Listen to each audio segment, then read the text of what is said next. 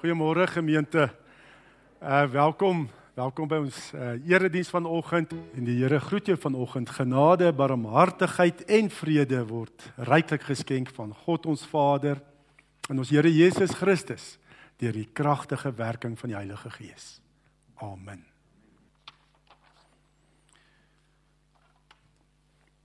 Ja, ons nader nou ehm um, Paasfees. En uh in hierdie tyd ter voorbereiding van Paasfees wil ek fokus op die sewe kruiswoorde van Jesus, nê, nee, wat hy gesê het daar aan die kruis.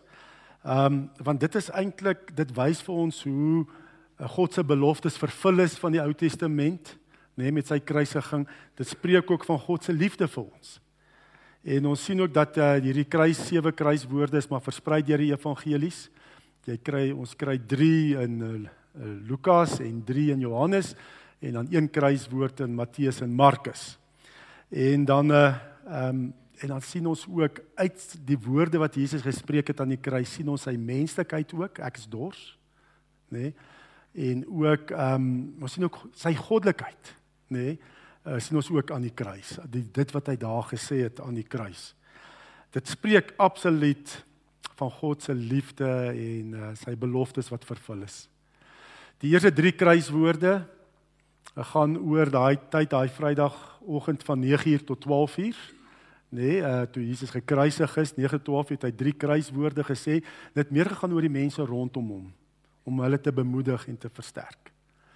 En dan 12uur was daar absolute duisternis geweest, nê, nee, waar Jesus die helse pyn en lyding en straf gedra het um van ons sondes aan die kruis. En dan die einde van daai 3 ure duisternis is daar dan weer uh vier kruiswoorde. Nee waar Jesus kom en spreek en hy hy vertel, oh, dis baie aanhalinge uit die Ou Testament om te sê maar hy het die volmaakte offer gebring. Hy is die Messias wat beloof is deur God. En uh ja, ons moet so 'n konteks sien en ek wil nou vanoggend stil staan by die eerste kruiswoord, nê? Nee? Dit is nou so van 9 uur af tot 12 uur. Uh dit was nou nog nie duisternis gewees nie. En uh dan lees ons daarvan die eerste kruiswoord in Lukas 23 vers 34, maar ek gaan uh so 'n bietjie verse voor en na daai gedeelte ook lees van vers 34. Ek gaan lees Lukas 23 vanaf vers 26 tot vers 43. Lukas 23 vanaf vers 26 En nou die fokus is verse 34. Terwyl hulle hom weglei, gryp hulle 'n sekere Simon van Sirene wat toe net van buite die stad af gekom het en sit die kruis op hom om agter Jesus aan te dra. 'n Groot menigte van die volk het agter Jesus geloop onder wie ook vroue wat oor hom getreur en gehuil het. Maar Jesus het na hulle toe omgedraai en gesê: "Vroue van Jerusalem, moenie oor my huil nie, huil oor julleself en julle kinders, want daar kom dae waarin hulle sal sê: "Hoe gelukkig is die onvrugbare vroue en die wat nooit 'n kind in die wêreld gebring het of gevoed het nie." Dan sal hulle vir die berge sê: "Val op ons en vir die heuwels bedek ons." As hulle dit met die groen hout doen, wat sal dan met die droë hout gebeur? Daar is ook twee ander albei misdadigers weggelei om saam met Jesus tereggestel te word. Toe hulle by die plek kom wat Kobien plek genoem word, het hulle hom daar saam met die misdadigers gekruisig, die een aan sy regter en die ander een aan sy linkerkant. En toe sê Jesus die eerste woorde aan die kruis: Vader, vergeef hulle, want hulle weet nie wat hulle doen nie. Hulle het sy klere verdeel deur te loot. Die volk het daar gestaan en kyk, hulle raadslede het hom ook uitgelag en gesê ander het hy gered, laat hy homself red as hy die Christus is wat deur God uitverkies is. Ook die soldate het vorentoe gekom en hom bespot. Hulle het vir hom suurwyn aangebied en gesê: "As jy die koning van die Jode is, red jouself." Daar was ook 'n opskrif bokant hom: "Dit is die koning van die Jode." Een van die misdadigers wat daar gehang het, het hom gelaster deur te sê: Is jy dan nie die Christus nie? Red jouself en ons ook. Maar die ander het hom tereggewys en gesê: "Is jy nie bang vir God nie? Jy ondergaan tog dieselfde straf as hierdie man. In ons geval is dit regverdig, want ons ontvang die verdiende straf vir ons dade. Maar hierdie man het niks verkeerds gedoen nie. Verder sê hy vir Jesus, sê hy: "Jesus, dink aan my wanneer U in die koninkryk kom." En Jesus antwoord hom: "Ek verseker jou, vandag sal jy saam met my in die paradys wees." Ons gaan vra kyk na vers 34 Vader vergeef hulle want hulle weet nie wat hulle doen nie. Ja, en nou Jesus se kruisiging is so 2000 jaar plus terug het dit plaasgevind. En ehm um, en daar's baie keer baie dwaalleraars nê wat voorspel het wanneer Jesus weer gaan terugkeer nê. Ek dink veral 'n groot voorspelling baie profete, maar ons dink ek is toe valse profete tot op aan die jaar 2000 ehm um, dan gaan Jesus weer terugkom, nê? Nee, en uh, ons almal moes groot aanpassings maak en al sulke tipe dinge. Ehm um, en selfs ook dan het ook mense sommetjies gemaak en met syfers gespeel en sê hierdie jaar gaan dit gebeur en elke keer was dit verkeerd. Dwaalleraars. En omdat Jesus so lank vat om terug te keer, het baie gelowiges begin twyfel en onseker geraak, maar hoekom kom Jesus nie terug nie?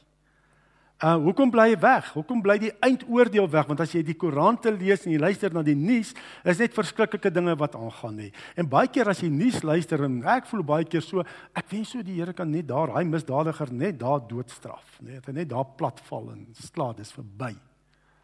Hoekom bly die Here weg? Hoekom kom hy nie terug nie? En baie mense begin twyfel. Gaan Jesus ooit weer terugkom? Is dit die waarheid? En as jy selfs ook in die Bybel lees, die Nuwe Testament, baie briewe wat aan gemeentes geskryf is, kon jy agterkom jy gelowiges het begin twyfel omdat Jesus nie dadelik terugkom nie. Selfs in die Bybelse tyd was daar mense in die kerk wat al begin twyfel het. Hoekom kom Jesus nie terug nie? Hoekom gaan laat die Here God net hierdie onreg voortgaan, nê? Hierdie sonde, hierdie verskriklike dinge wat mense aanvang. Hoekom straf hy dit nie dadelik? Wanneer kom die eindoordeel waar die wêreld en Satan veroordeel sal word? Gaan Jesus ooit weer kom? Maar dat die einde van die wêreld nog nie plaasgevind het nie, nê, is reeds vanweë Jesus se eerste gebed aan die kruis.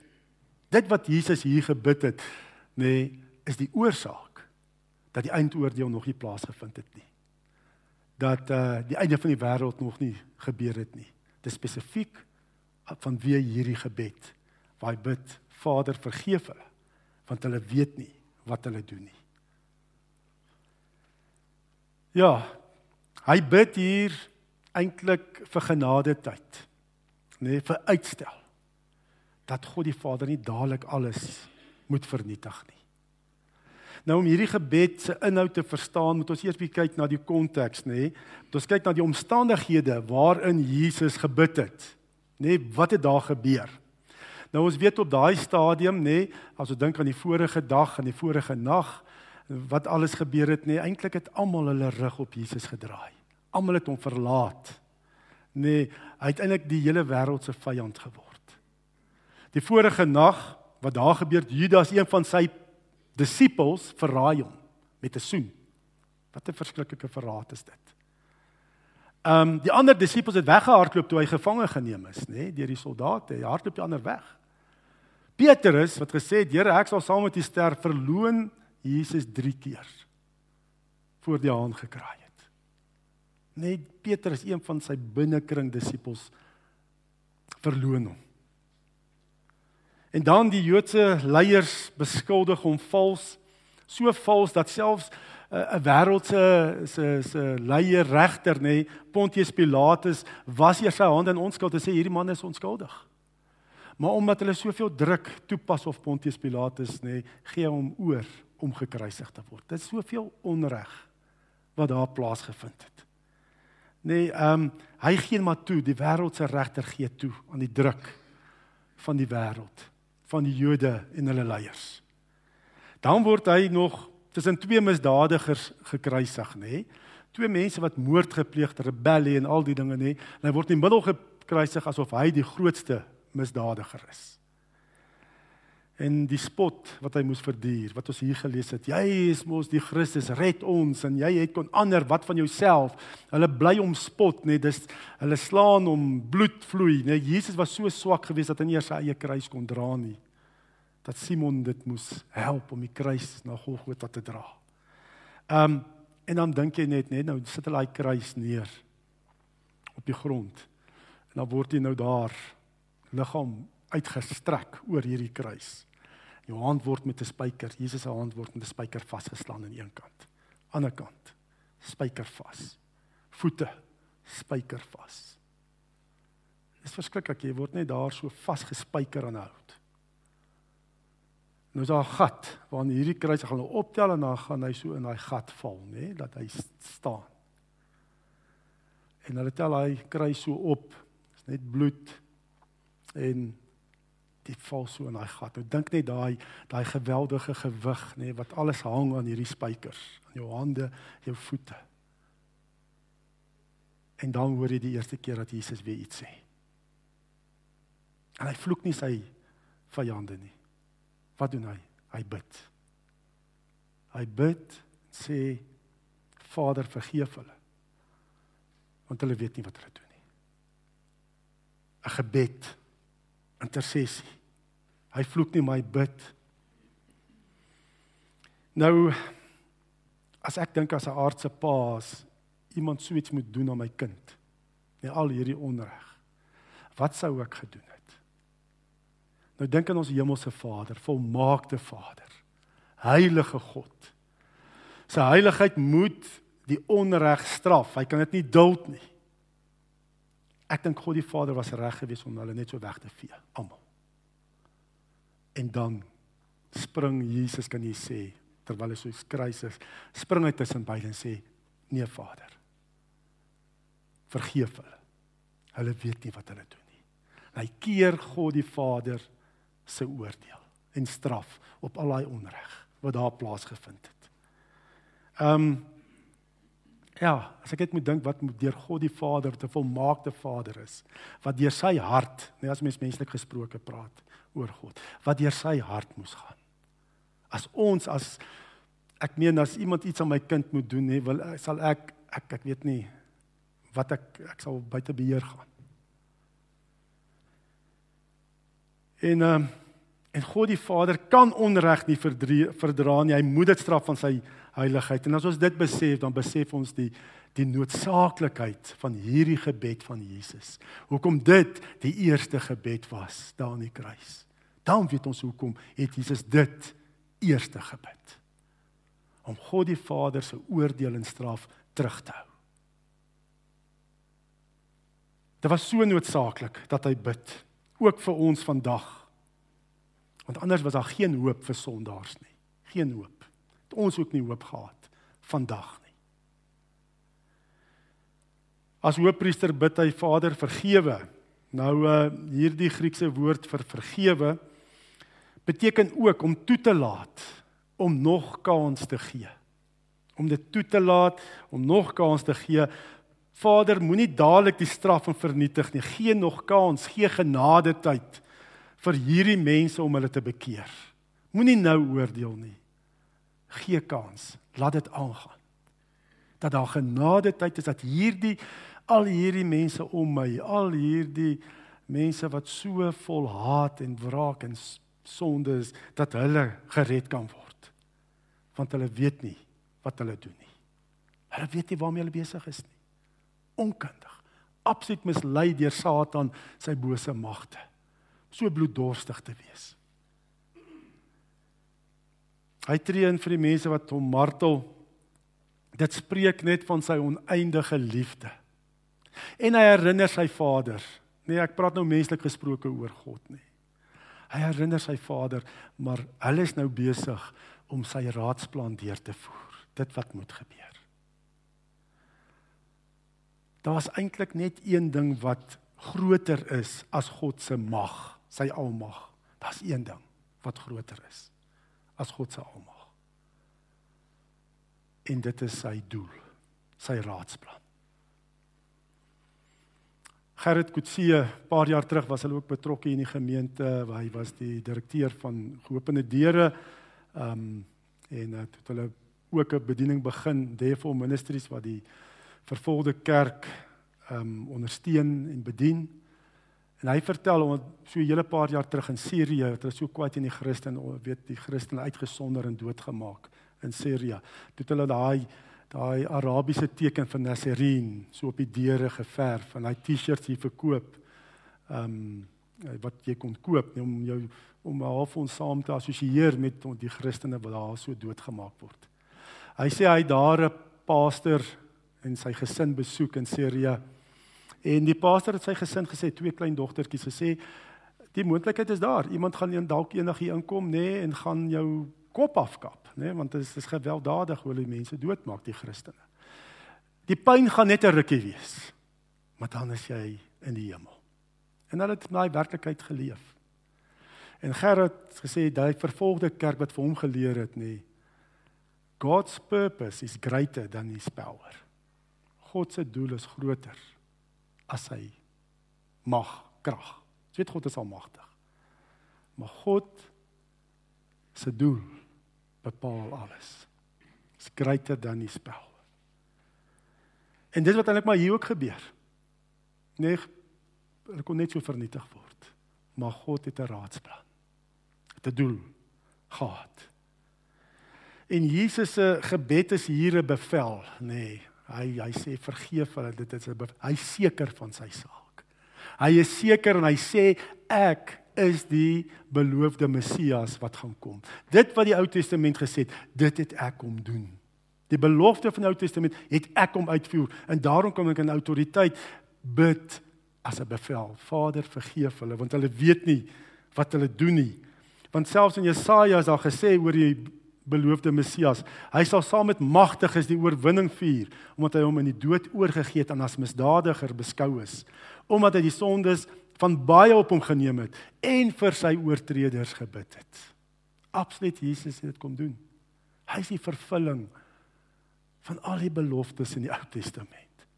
En daarom is hy soveel autoriteit daar aan die kruis dat hy as 'n bevel kan bid. Vader, stel uit, gee kans, laat dit deurgaan, gee genade tyd. Genade tyd sodat ook ek en jy vandag gered kan word. Dis nie net die Jode en hulle leiers en die soldate wat Jesus gekruisig het nie. Wat die oorsaak was van Jesus se kruisiging nie ook ek en jy. Jou sondes en my sondes het veroorsaak dat Jesus daar aan die kruis gehang het. Ons is ook het meegewerk dat Jesus daar aan die kruis moes hang. Dis nie net hulle nie.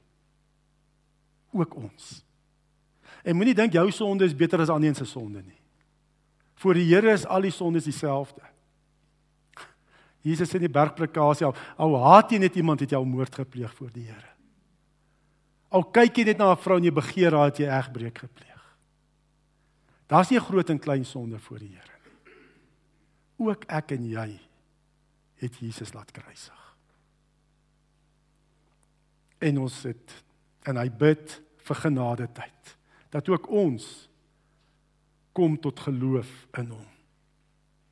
En daar in die kruis nê, het ook Jesus gebid Hy is die voorbidder ook vir ek en jy. En sê Vader, moenie dat die oordeel nou kom nie. Gee genade tyd, gee kans vir bekering dat mense tot my tot geloof in my kan kom en dat hulle gered kan word. En Jesus het ook gebid vir vanoggend. Gevra Vader, gee genade tyd dat vanoggend dat ons vanoggend weer hierdie die evangelie boodskap kan hoor. En dat ek en jy werklik kan kom tot bekering en kan glo hy het jou sondes, my sondes gedra aan die kruis.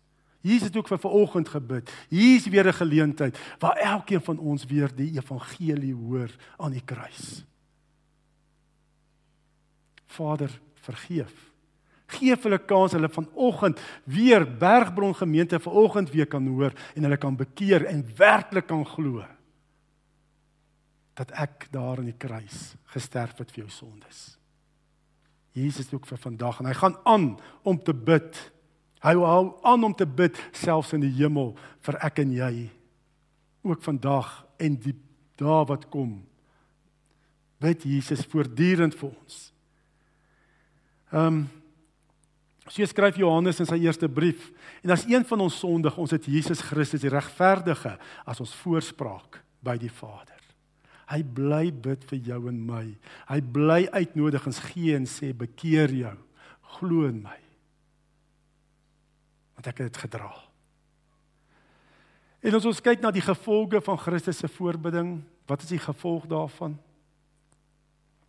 Ons sien natuurlik dadelik Jesus se gebed is deur sy Vader verhoor, nê? Nee, hy het nie die mense is nie vernietig daar rondom die kruis nie. Die eindoordeel is uitgestel en Jesus dra die oordeel oor ons sondes. En dis genadetyd. Genadetyd waarvoor Jesus gebid het duur voort deur die hele kerkgeskiedenis, deur die wêreldse geskiedenis.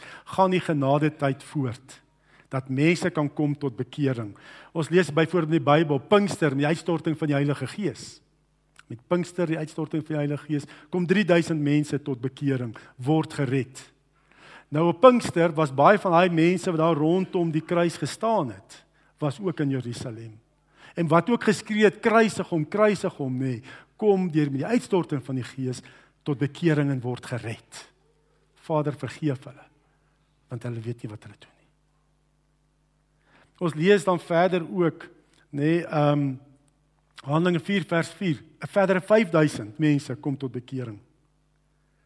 Handelinge 6 vers 7 dat selfs baie Joodse leiers en priesters nê nee, wat so Jesus laat kruisig het, het ook gelowig geword en word gered.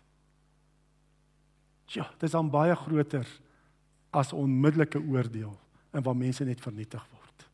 Ons mense kan baie keer ons kyk na ons lewens en omstandighede so kortsigtig wees. So dink nou. Weet kom nou. Ek was een keer by die dood van 'n vriend se vrou waar sy geskiet is deur kapers en goed. Nou het ons saam daar om daai bed gesê Here kom nou, kom nou terug. Ek wil hê die Here moet nou alles vernietig. Maar dink net van daai tyd, as ek net dink van daai tyd tot vandag, hoeveel mense is in daai tyd gered? En het die ewige lewe ontvang. Ehm um, En Jesus se gebed aan die kruis is verhoor. Deur geloof in Jesus as die Messias het die Vader hulle sondes vergewe. Paulus skryf in Handelinge 13 vers 38. Daarom broers, moet julle goed weet dat wat aan julle verkondig word, die vergifnis van sondes deur hom, dit is Jesus is, dat elkeen wat glo, deur hom vrygespreek word van alle sondes. Ehm um, ja. Maar tog nê, nee, uh God die Vader se se oordeel en straf het tog werklik in werking getree daar by die kruis. Is ook dadelik is daar gevel. God se oordeel en straf op die sondes is tog gevel net daar aan die kruis. Maar nie op ons as gelowiges nie, maar op sy seun Jesus Christus. So God se oordeel en straf het al reeds plaasgevind. As jy glo in Jesus, jy jy hou regtig aan hom vas, nê. Nee, jy weet hy is jou verlosser, nê. Nee, dan is die oordeel en straf klaar geval oor jou lewe. En wat sê die Here vir jou? Jy's vergewe. Jy's vergewe want my seun het daai oordeel en straf op jou sondes gedra. So die oordeel is klaar op ons wat werklik glo in Jesus. Die oordeel is klaar geval. God die Vader sê jy's my kind. Jy's vergewe. Ek is lief vir jou. Jy hoef nie bang te wees vir die eindoordeel nie. Want hy is klaar gevel. aan my seun aan die kruis. Jy's my kind. Dit's 'n wonderlike boodskap. Jesus sê aan Nikodemus, Johannes 3 vers 18, wie in die seun van God glo, word nie veroordeel nie. Romeine 8 vers 1 Vir die wat in Christus is, daar geen veroordeling nie. So die oordeel is alreeds gevel. Maar ongelowiges het nog genade tyd. Maar dit kom ook tot 'n einde. Wanneer tree ongelowige mense se genade tyd wanneer word dit beëindig? As Christus weer kom of as 'n persoon sterf, liggaamlik sterf voordat Christus weer kom. Dan is die finale genade tyd verby. Dan is dit klaar. Daar is nie iets soos 'n vage vuur tussen toestand of wat ook al soos die Romeinse kerk nie, dis 'n leuen. Jou finale oordeel vind plaas wanneer jy liggaamlik sterf of as Christus voor die tyd terugkom.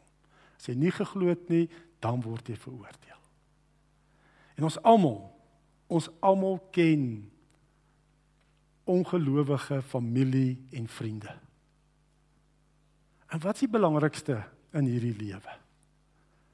Is die belangrikste nou my kar of my huis of my loopbaan? Maar die belangrikste is nê om 'n familielid, 'n vriend te hê vir 'n ewigheid of 'n kind te hê vir 'n ewigheid. Dit is die belangrikste. Ehm um, ja, toe ek nou jonger was voor 50, ek dink die lewe lê nog voor. As jy oor 50 gaan kom jy agter is net so. Net so dan is die lewe verby. Net so. Ek meen praat van 10 jaar, dan is dit 65. Nee, 10 jaar en verlyk met dit wat verby is is niks. Nou wat waaroor gaan ons lewens? Glo ons regtig en verstaan ons en besef ons wat die Here gedoen het aan die kruis? En as dit jou as jy dit regtig glo en dit besef, dan gaan dit jou hart gryp. Jou prioriteite gaan verander in die lewe. Die prioriteite gaan nie wees hierdie aardse goederes nie. Ja natuurlik die Here gee vir jou werk, gee vir jou hierdie vermoëns en goeders. Jy doen jou beste, maar jou prioriteit sal wees om die Here se genade tyd uit te koop vir jouself, vir die mense om jou. Om daai genade tyd uit te koop en te vertel wat Jesus gebid het aan die kruis. En die straf wat hy gedra het aan die kruis. Dat ek 'n Vader het vir ewig.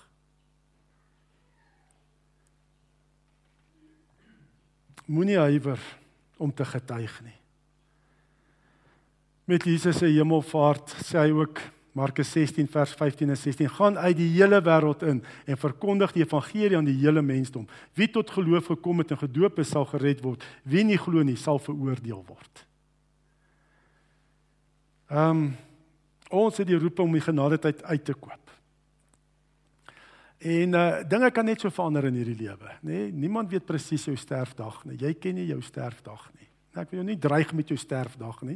Dis wonderlik om die Here te ken en voluit te lewe tot jou sterfdag. Dit is dit is eintlik waar. Maar jy ken nie die sterfdag van jou ongelowige vriende, familie, kind dalk nie.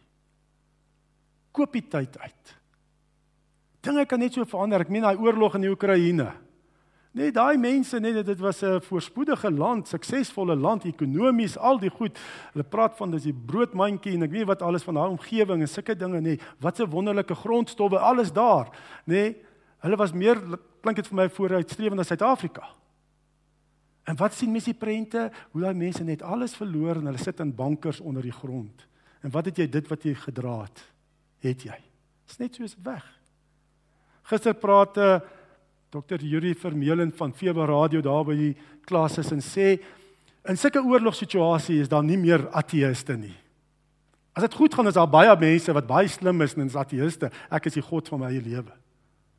Maar in sulke oorlogssituasies waar hulle die kerk daai help, is daar nie ateëste nie. Almal bid en gryp aan iets hoër vas. En hoe wonderlik was dit vir my gewees toe Chris nou vanoggend bid vir die gelowiges in Oekraïne Hoe wonderlik is dit nie om deel te wees van hierdie netwerk wat ons kerk noem, die netwerk van God reg oor die wêreld waar iemand daar in die Oekraïne swaar kry en ons bid hier en kan hulle dra aan die genade troon van die Here. En as ons swaar kry, bid hulle weer vir ons. Mense wat nie eens ken nie, maar wat vashou aan Jesus. Ons intercessor, ons voorbidder in die hemel, ons Messias. Wat 'n voorreg is dit? En in daai situasie sal hy altyd sê daai gelowiges wat deur daai moeilik, hulle voel hoe hulle gedra word deur die Here. Ek hoor daar's 'n klomp sendelinge wat nou Oekraïne toe gaan. Nie wegvlug nie, gaan. Jesus bid dat selfs dit wat dan in Oekraïne gebeur, baie mense nou gered word vir 'n ewigheid. Kom tot geloof in hom. En ehm um, mense is reg, nê? Nee? Hierdie vandag ook na die 2 jaar Covid en alles nê, nee, is mense het hoop verloor. Regtig mense het hoop verloor. Maar by die Here is daar hoop. Kom ons wees bedienaars. Kom ons begin ook bid. Bid dat die Here genade tyd gee. En dat die genade tyd sal uitkoop. Um sodat mense gered kan word en tot geloof kan kom. Um selfs Stefanus, nê, nee, en dit is dit is die wonderwerk wat plaasvind. Stefanus die eerste martelaar uh van die kerk, nê, nee, toe hulle hom gestenig het. En Paulus het mos toe die die mense se klere opgepas. Het gebid, Here, moet hulle tog nie hierdie sonde toereken nie. Dieselfde. Want die gees van Christus was in hom. Dieselfde houding. Ja, ons word dan ook voorbidders. Voorbidders hier op aarde en ons bid dieselfde gebed van Christus. Vader, vergeef. En as jy die Koran lees, nee, jy lees van hierdie politikuste wat so mal is en die mekaar is. Nie bid vernietig nie. Vader, vergeef hy want hy weet nie wat hy doen nie. Gee genade tyd dat hy tot bekering kan kom. Dit moet ons gesindheid wees. As dit die ergste, ek wil nie eers name noem nie. Nee, Abraham het gebid vir Sodom en Gomorra. Moses het gebid vir die volk wat 'n goue kalf aanbid het. Ehm um, Jeremia bid ook vir die bose volk en Stefanus. Kom ons gaan voort met Christus se gebed hier op aarde. En wanneer ons met hierdie onregte doen kry, dat ons agente sal wees dat die Gees deur ons kan werk. Dan koop ons die genade uit Vader, vergeef hulle, weet nie wat hulle doen nie, gebruik my om die evangelie te bring. Dat die oordeel is gevel as jy Jesus aanvaar, dit is verby, jy's vergewe, jy's kind van God. Wat 'n wonderlike boodskap is dit nie? Dit ons kan met hoop ingaan. Ek is God se kind. Hy sal vir my sorg, die kant van die graf en ander kant van die graf. Kom ons sê dankie. Here, ons sê dankie, Here. Dat U volmaakte Vader U straf teruggehou het terughou het vir sekere mense. Maar tog u straf al reeds laat vel het daar aan die kruis. Maar op u eie seun Jesus Christus. Dat ons as gelowiges hier in Bergbron gemeente kan sê ons is vergewe. Die straf is gedra, die oordeel is gevel oor ons. Ons is vrygespreek. Ons is nuwe skepings in Christus. Ons is kinders van die Allerhoogste God. Konings prinses en prinsesse in sy koninkryk. Konings, profete en priesters. Wat 'n voorreg. Maar Vader, laat ons ook dan in hierdie tyd ook net weer bewus raak van ons roeping om die genade tyd uit te koop. Om nie net vir onsself te lewe, maar kyk wat rondom ons aangaan. 'n Ongelowige vriend dalk, vriendin by die werk, by die gym. Hier om te praat. Te sê genade tyd loop ook uit. Dit hou nie vir ewig aan nie. 'n Kind dalk, 'n familielid, broer of suster, dalk ouers. Here, dat ons weet die genade tyd kom ook tot 'n einde.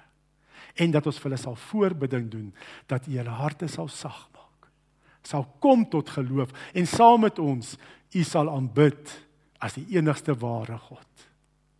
Here, ons loof en prys U en dankie vir die belangrikste gebed daar aan die kruis. Vader, vergeef hulle. Want hulle weet nie wat hulle doen nie. En ons sê dankie in Jesus se naam. Amen. Ontvang die seën van die Here dat jy ook as 'n geseënde van God sal gaan leef hierdie week en so ook die genade tyd uitkoop. Die genade van ons Here Jesus Christus en die liefde van God die Vader en die gemeenskap van die Heilige Gees sal by ons elkeen wees en bly. Amen.